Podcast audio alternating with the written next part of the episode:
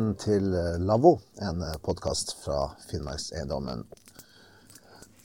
Det er sånn at når jeg er på tur, og det skal tennes et bål, så da samles gjerne karene, og så blir det liksom kommentarer på hvordan man skal gjøre det her. Det er nesten som foran et, et åpent bilpanser. Men så er det også sånn at eh, hvis hun Marit, vår faste paneldeltaker, hadde vært med, så ville hun antagelig hun også stått der. Eh, Marit eh, Mikkelsdatter Eira Murud, du har eh, bakgrunn fra reindrifta, som jeg har sagt tidligere, men ikke minst du har skrevet to bøker, og en av dem heter 'Dollagattis ved bålet'. Hvorfor skrev du den? Den skrev jeg fordi at jeg vokste opp med bål. Vi, har alltid hatt bål, med, bål når vi har vært på turer eller på flytting eller multebærtur eller hvilke som helst turer. Og jeg trodde jo at bål var bål. Men etter hvert så har jeg jo lært at bål er ikke bare bål. Derfor ble boka til. Ja, for Det ligger masse kunnskaper i trevirke, i håper å si, hva slags eh, røyk den gir. Eh, og så er det litt sånn, eh, litt sånn mytisk rundt det hele også. Vi skal gå gjennom alle de her tingene her. Hvis vi først tar veden sine egenskaper. Eh, bjørk, f.eks., som vi har på bålet her nå. Mm. Hva er det å si om den? Eh, bjørken er jo alltid brennbar uansett. Du kan jo brenne den rå, eller du kan jo brenne den hvis du finner tørre kvister, eller så når du tørker den sånn som vi har her nå. Mm. Eller så kan du også brenne råtten bjørk, mm. om du finner det. Det er alt etter hva du er ute etter. Hvis du vil ha mye røyk, så er jo råtten og rå ved bra å ha. Og da også løv. Løvkvister. Og holde myggen borte. Da holder du i hvert fall myggen borte. Og så blir ikke bålet så fryktelig varmt når det er rå og råtten ved som det blir med tørr ved. Og så varer jo bålet også litt lenger. Ja. Mm. Spesielt med rå ved. Råtten ved brenner ikke så godt, men uh, du kan koke kaffe på det. Og tilsvarende tørr ved gir lite røyk, men brenner fortere. Mm. Og så blir det mye varmere. Ja. Og lysere. Så hvis du vil ha lys, så må du også se etter tørr tørrved, og spesielt av tørr furu. Det gir veldig godt lys. Mm. Men når det er vått, og det hender det jo absolutt at det er, hva er liksom eh, de gode båltriksene da? Ja, For det første så må du jo ha med Det må du alltid, og det har alltid vært en regel, i hvert fall blant oss, at du må alltid ha med tørr never i sekken. Den skal ligge der hele tiden. Du skal alltid ha det med. Mm. Eller så må du ha med en bit tyr i. Og um, da er du nå garantert å få i hvert fall litt fyr. Så hvis du da har samla litt ved når du skal tenne opp, så er du jo da er du i hvert fall bedre rusta til å få fyr enn om du ikke har det med. Men sånn som jeg, da, som ofte ikke husker å ta det med, så må jeg jo finne andre måter å gjøre det her på. Og da er det å prøve å finne Som jeg var på vidda en dag. Jeg var ute og gikk. Det var september måned og ganske mye vind. Og jeg hadde røyka kjøtt i sekken, og røyka kjøtt er jo en av mine favorittmater. Så var jeg ute og gikk, og så skulle jeg stoppe og lage bål, og så skulle jeg steke det her kjøttet. Og så hadde jeg glemt å ta med never. Hadde ingenting. Oi. Ja, og, masse vind. Så da måtte jeg ta tålmodigheten i bruk, og så måtte jeg lete etter tørr lyng, eh, tørre, veldig tynne kvister av dvergbjørk.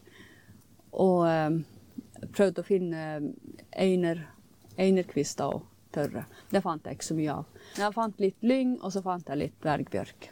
Og måtte ta det som var tørt. Og det må være som veldig tynne, siden jeg ikke hadde noe å tenne. Jeg tenkte her tyr jeg ikke til plastposen. Nei, Marit, det her har du jobba med, det her må du få til. Og, tørk, og røyka kjøttet, det ville jeg ha. Det hadde jeg gleda meg til hele, hele den dagen.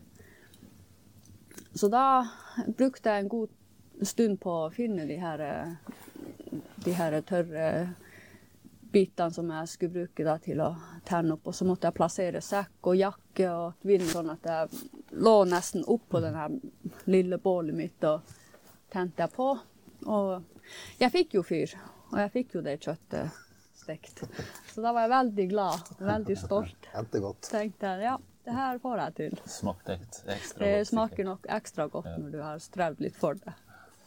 Men hvis man er i din situasjon og er ute, og det er vått i tillegg, uten never Ja, du finner jo, du finner jo tørre einerkvister kan du jo finne. På vidda så er jo eineren ganske sånn flatvokst. Men under der, og det, det holder seg faktisk ganske tørt, det som er under. Så der kan du finne nedramla tørre einerkvister. Ja. Bitte små kan de jo være, men hvis du har litt tålmodighet, så hvis du absolutt skal ha på, så greier du det nok. Og så er den barken på eineren, den løsner jo også etter hvert. Og så blir den veldig tørr, og den brenner veldig godt. Og einer generelt brenner jo veldig godt, selv om den er rå. Men for å få det første fyret, den første fyren, så heter det fyren, eller fyret. Det kommer an på hva man snakker om. For å få fyr. For å få fyr. OK. Um, ja. Og så kan du jo lete etter, ja, som jeg gjorde, da, krøkebærlyng. Tørr krøkebærlyng. Det finner du ofte. Det kan være inntil steiner, eller delvis under steiner. Eller under der det ikke har kommet regn til, hvis du har sånne plasser i nærheten. Også da eh, dvergbjørk. Tynn, veldig tynne kvister. De finner du også gjerne under, men dem kan du også knekke fra, fra selve bjørka. Ja. Hvis du ikke er i nærheten av trær, sånn som jeg var den dagen. Einar Asbjørnsen, leder for Utmarka i Finnmarkseiendommen. Er det bare å fyre bålet når du vil og hvor du vil? Godt spørsmål. Det er egentlig ikke det. Eh, Det er absolutt ikke det. Man, eh, generelt så er det et bålforbud i utmarka som går fra 15. april og til 15. september. Eh, Men du kan si at heldigvis så er den eh, forskriften forma slik at det er lov for brukeren å fyre bålet likevel, hvis man eh, tar nødvendige hensyn. Altså eh, at man eh, sørger for at det er forsvarlig oppfyring av eh, altså bruk av ild. Og klart, eh, det å brenne bål har jo lange tradisjoner i samisk bruk og i, i eh, altså skandinavisk kultur i det hele tatt. Eh, Vårt, vår utmarksbruk og friluftsliv er jo veldig i stor grad knytta opp mot bålet. Og jeg tror i større grad her i Finnmark enn kanskje i, lengre sørover i Norge. Og så er det vel også sånn at uh, bålplasser sier noe om hvordan folk har ferdes.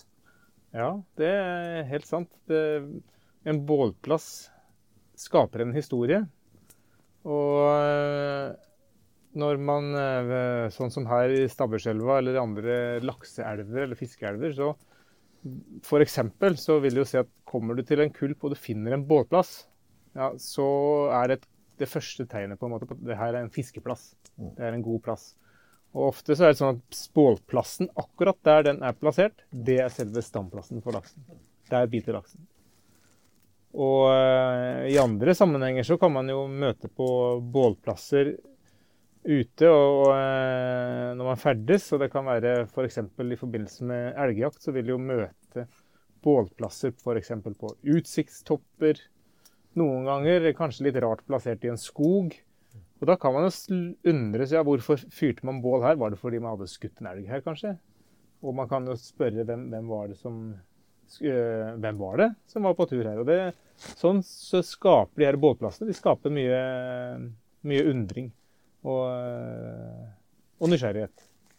Og bålet har en funksjon her oppe. Det er jo matlaging, og det er varme, og det er det å skaffe seg kaffe. Hvordan er det med dere? Bruker dere gamle båtplasser, eller lager dere nye? Hva er deres forhold til det? Jeg tenker det at eh, jeg bruker hovedsakelig båtplasser bålplasser som er der allerede. Med mindre det er en spesiell situasjon, et spesielt vær, som gjør at du må krype ned i ei lun eh, dal, et søkk der det kanskje ikke er noe bålplass fra før. Men jeg syns det er en veldig fin eh, tradisjon å faktisk bruke gamle bålplasser. For det, ja, det er liksom noe med å eh, liksom bruke den plassen, og spesielt langs elver og langs vann. Eh, og ikke på en måte eh, det, det Ja. eh, eh, være litt skånsom da, i måten å, å etablere bålplasser på. Det jeg lurer på der, Lars Kemping, du er jo lærer i friluftsliv eh, på Alta folkehøgskole, som vi samarbeider med når det gjelder denne podkasten. Hva, hva, slags budskap pleier du å ha til elever når det gjelder bål? Ja, Det er akkurat det der med litt skånsom ferdsel. Eh, for det første så er det jo uh, veldig mange ungdommer sørfra de er ikke vant til bål. Mm. Det er ikke samme båltradisjon sørpå. Sjøl er jeg jo oppvokst på Voss. og Vi hadde jo bål av og til, men det var slettes ikke hver tur. Mm. Det var mer termos, og vi hadde med oss eh, pølser oppi termosen og den stilen der. Men her eh, er det veldig essensielt med bål. Det, jeg tror nesten ikke det er en eneste tur vi er på i eh, løpet av høsten iallfall, der vi ikke har bål. Så det er en veldig veldig viktig del av det vi prøver å formidle. Liksom, litt den finnmarksmåten å være på tur på. Så bål blir veldig viktig. Men da er det også viktig det med skånsom ferdsel. Eh, måten man eh, sanker ved på. Eh, man har jo sjelden med seg ved. Av og til i tettstedsnære områder, sånn som rundt eh, Alta, der vi holder til. Da. Der eh, er du på tur og i nærområdet, så tar vi gjerne med oss. For av veldig sånn respekt for eh, tørrfuru, f.eks. Furu er jo en vi har jo, Husk på, vi har jo verdens nordligste furuskog. Og litt i respekt for den furuskogen, så tenker jeg det er litt vandalisme, rett og slett, å mm. bare knekke ei tørr furugrein. Eh, og, og det, det, er vakkert å se på den furua så står det med masse tørre kvister. Og, så de, de, det er et veldig tydelig budskap om at de, de bruker vi ikke. Så vi bruker liksom plukk, plukking av ved, nedfallsved, og ta selje, tørr selje f.eks. er kjempefin å fyre opp med. Alt det som Marit har snakket om med, med eine, med tørre bjørkepinner til å fyre opp med, og så, og så bygge opp bålet sakte, men sikkert. Um, og så er det det er mange av våre elever som har bakgrunn fra speideren. De, de er oppvokst i en litt sånn tradisjon med De har lært om pyramidebål og pagodebål. Ulike sånne båloppsett. At det skal være litt eh, system på det, litt struktur, og det skal hete skal, Nå skal vi lage eh, pyramidebål, liksom. Og det får litt sånn eh, ja, litt sånn der, Jeg vet ikke hva jeg skal si. Litt sånn krypp av. Altså. Eh, et bål det er litt sånn Det kan sikkert du, Mari, snakke en masse timer om, men et bål blir jo til der og da ut fra det du har. Og, og bålet er jo Du lager aldri bål helt likt, på en måte. Det et bål det er liksom ut fra hva du finner, og hvor mye never har du, hvor mye småkvist har du, og så, og så eh, ordner det seg til underveis. Og det, det synes jeg det, det, er noe av det jeg prøver å formidle da, i forhold til bålet. Man må ikke være for fastlåst i ulike eh, navn. og sånn. Det, det, er bare noe magisk som skjer der og da med det bålet. Eh, vi har jo i samisk så er jo skikken det her med når du snakker om gjenbruk av, av bålplass, ja. så jo skikken, er jo skikken litt annerledes. Du skulle ikke eller du skal ikke bruke andres bålplass, du skal lage din egen. Eller du skal bruke din egen. Og, og det er jo egentlig, tenker jeg, i respekt for de som har hatt en bålplass, som har oppholdt seg der. At de skal ha sitt i fred. Mm. Men jeg skjønner jo det der med når du kommer til Der hvor jeg ferdes, der er det jo vanligvis ikke bålplasser. Men jeg forstår den der eh, gjenbrukstankegangen din i, i uh, områder som er kanskje litt belasta. Men det ville jeg gjort sjøl òg, mm. i sånne områder. Mm. Men uh, vi har jo også en annen Når du finner en bålplass, ofte finner du den uten uh, aransteiner. Altså mm. i, de her steinene rundt. Mm. Det er ikke vanlig å lage når du bare skal lage kaffebål. Mm. Det blir bare flatt. Mm. Men uh, en annen ting du kan se historien på, om hvem som har vært der, bortsett fra at det ikke er Aransteiner, så finne, kan du finne en astahatt ved, ved bålplassen. Mm. Astahatt er en pinne som blir brukt i, både i lavvo og også ved, under åpen himmel. Og den brukes til å ja, rote litt i Ikke rote i bålet, men eh, hvis du må flytte på veden eller ordne litt i, i bålet, eller å løfte av kaffekjelen. Ja, og så er det jo litt sånn tidsfordriv. Du sitter og spikker, og så skriver du navnet ditt. Og da skriver du initialene dine, eller tre bokstaver, sånn som jeg har på de her vottene. Det er mine tre bokstaver. Ja, ja. Ja. Skriv du, skriv Jeg har, funnet noen sånne, på, spesielt eh, litt eh, og, og på fjellet, på flyttruter og sånn. Og der står det ofte datoen også, faktisk. ja. Det, det er litt artig. Mm. Ja. Kan du liksom finne ut når de var der. Ja. Så står det kanskje litt ved igjen òg. ja, det gjør det gjerne også. Det var også en skikk i, i hvert fall før at du, hvis du brukte en bål, eller at du når du hadde en bålplass, og så hvis det var rikelig med ved der, så at du gjerne lot noe være igjen til nestemann. Sånn at det skulle være litt oppføringsved. Og det syns jeg er en veldig fin tradisjon sånn ellers også, for oss eh, som eh, kommer til eh, båtplasser. Har du litt eh, ekstra ved, så legg det litt fint eh, til rette til nestemann som kommer der, og, og eh, dander det litt fint. Du forlater bålplassen sånn som du gjerne vil komme til den, på en måte. da. Og En ting som er veldig avslørende med gamle bålplasser, det er om folk har eh, prøvd å brenne søpla si eller ikke. Det å, å prøve å, å brenne ølbokser eller det ene og det andre, det blir liggende igjen. Og det er, mens et naturlig brent bål bare med bare ved på en måte blir en del av eh, naturen veldig fort, så er sånne her eh, metallrester som ligger igjen i bålet, veldig avslørende. Og plastikk. Og. Jeg opplever jo litt når vi snakker om det gjenbruk og ikke gjenbruk, og levne ved og ikke levne ved. Det blir jo litt sånn der eh, Jeg kan jo litt, bli litt usikker hvis jeg kommer til en plass og skal jeg bruke den, eller har de tenkt å bruke Ja, den sånn, veden sjøl? Ja, ja det Så det, det kan jo bli litt sånn usikkerhet rundt det. Kan jeg Mm. sette meg, slå meg ned her og brenne opp den veden, eller hva skal jeg gjøre? Men det følger jo også med noen eh, hva skal vi si, litt sånn mytiske måter å se dette med bålet på. F.eks. hvor røyken går. Absolutt. Det finnes mange ting du kan lese ut av bålet. F.eks. det med røyken. Den, den som røyken oppsøker, blir jo sagt å være veldig rik. Eller så er det den som er penest røyken går til. Ja, men det er bare å se rundt bålet her. Ja. Det går rett til værs. Uavgjort. ja. og så er det jo også sånn at hva du ikke skal brenne, og hva du skal brenne. Så for eksempel fikk jeg bestandig høre når jeg var liten at vi skulle ikke brenne krøkebærlyng, for da blir det regn. Så hvis du ikke vil ha regn, så kan du ikke brenne det. Hvis du vil ha regn, så kan du brenne det. Og så om du brenner mye granbar eller, eller bjørke, men det brenner ikke. Bare brenner jo, men ikke selve kvisten hvis den er rå. Men hvis du brenner mye det, så gjør du det fordi da vil du at det skal bli snøvær. Men alle de her tingene har jo sannsynligvis en eh, praktisk forklaring. Jeg vet ikke om Har dere prøvd å brenne granbar? Eller furubar. Ja, eller gran. Ja, Ja, ja. det knaller Det, og ja, smeller. det og- sånt, Ja. ja.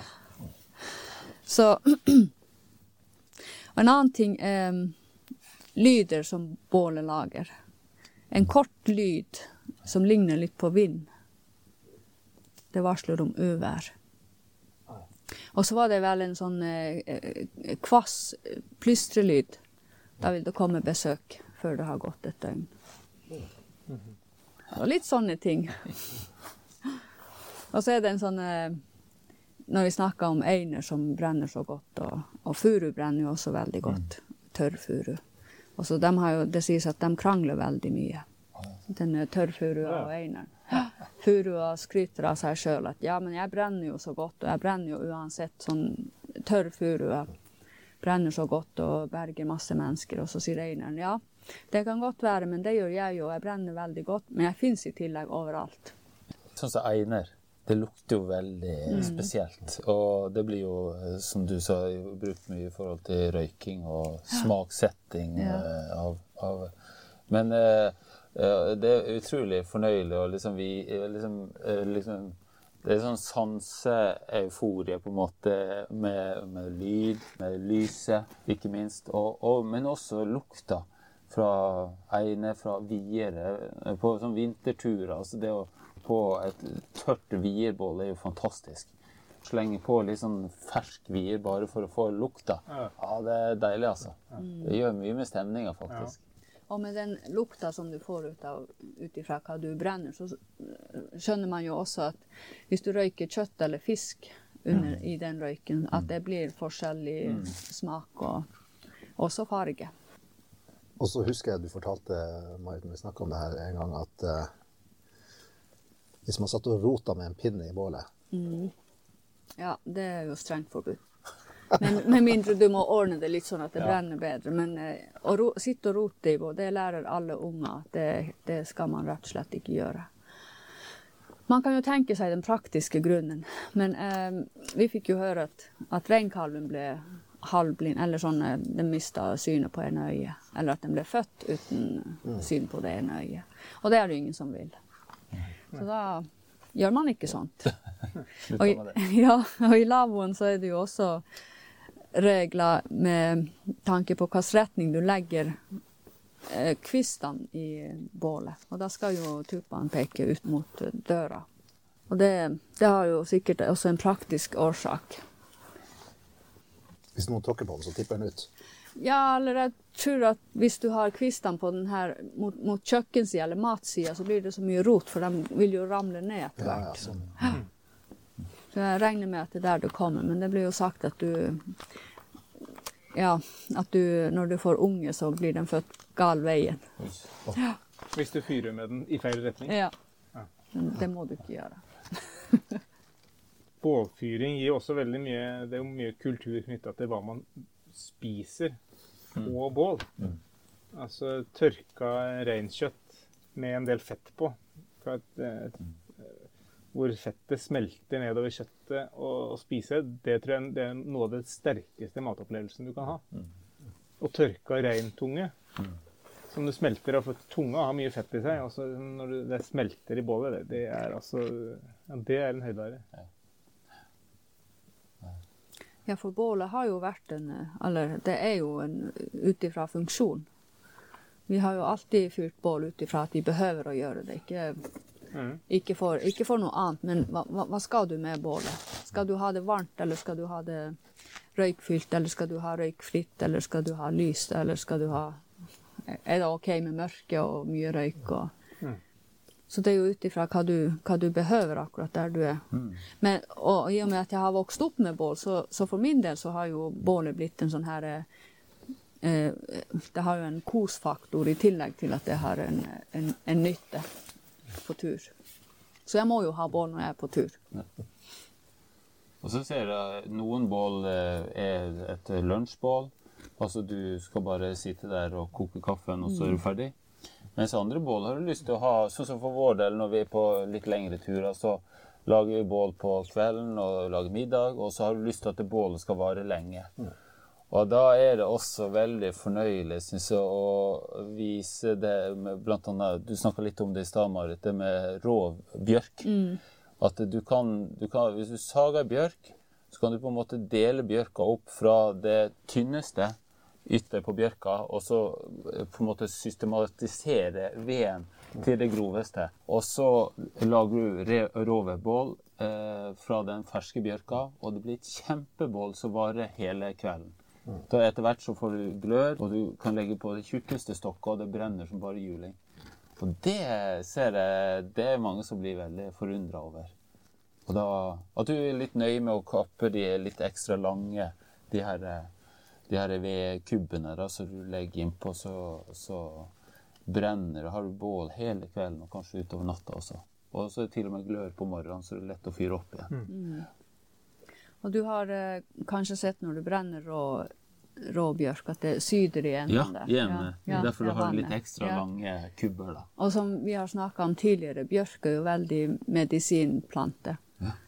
Eller tre, da. Så den der sydinga i enden av kubben, den kan du bruke hvis du har munnsår. Ja. Ta det der Så tar du det bare fra Ja. kubben og så på på munnsåret. Mm. Det må du prøve. Ja, det må du prøve. En ting vi, jeg vet vi har gjort, det er når vi har vært på holmetur, hvor det normalt ikke er så mye ved å få tak i, bortsett fra drivved. Da. Da har vi gjerne laga bålet der hvor vi finner det største trevirket. Og eh, det er også en sånn sikker vinner på å ha bål lenge og ha jeg på å si mye bål. Fordi at det, det er gjerne store trevirker du kan finne der. Ja, det, det, akkurat det med jeg har sagt, vedsanking på kysten er jo veldig eh, spesielt, altså. Der kan du putre Jeg har vært med ut på Rolfsøy bl.a. på vedsanking, da. Og da tar du småbåten og putrer utover fjorden der. Eh, Og, og sparke ut i, ut i drivtømmer som har ligget der kanskje i masse, masse år. Og så putrer du det hjem igjen og sager opp og hogger opp. Og, så ved er så mangt, liksom. Altså det er fra, og du, du kan jo lage bål langt oppi steinura, egentlig, av, eh, av eh, lyng og dvergebjørk og småtteri. Så det er det- nevra. Du må bare huske på never. Ja, jeg må begynne å huske på never eller Ja, det- Ja. Går det an å si noe om måten vi sitter her nå? Vi sitter i en, en gamme, og så har vi For å beskrive til de som ikke er her, jeg vil si de fleste, de som hører på. Eh, når du kommer inn døra, så det første du treffer da, det er eh, veden som ligger lina opp. Og, så, eh, og den ligger på en måte rett foran bålet. Eh, og så har du kaffekjelen der, og selveste bålet. Og rett fremover så kommer kjøkkenet. Er dette et eh, klassisk oppsett? Ja. Og så er det ikke minst eh, luftekanal her, da, Ja. som eh, gir eh, luft i bålet, sånn at det blir eh, litt sånn god, god, god trekk i bålet. Så den er viktig.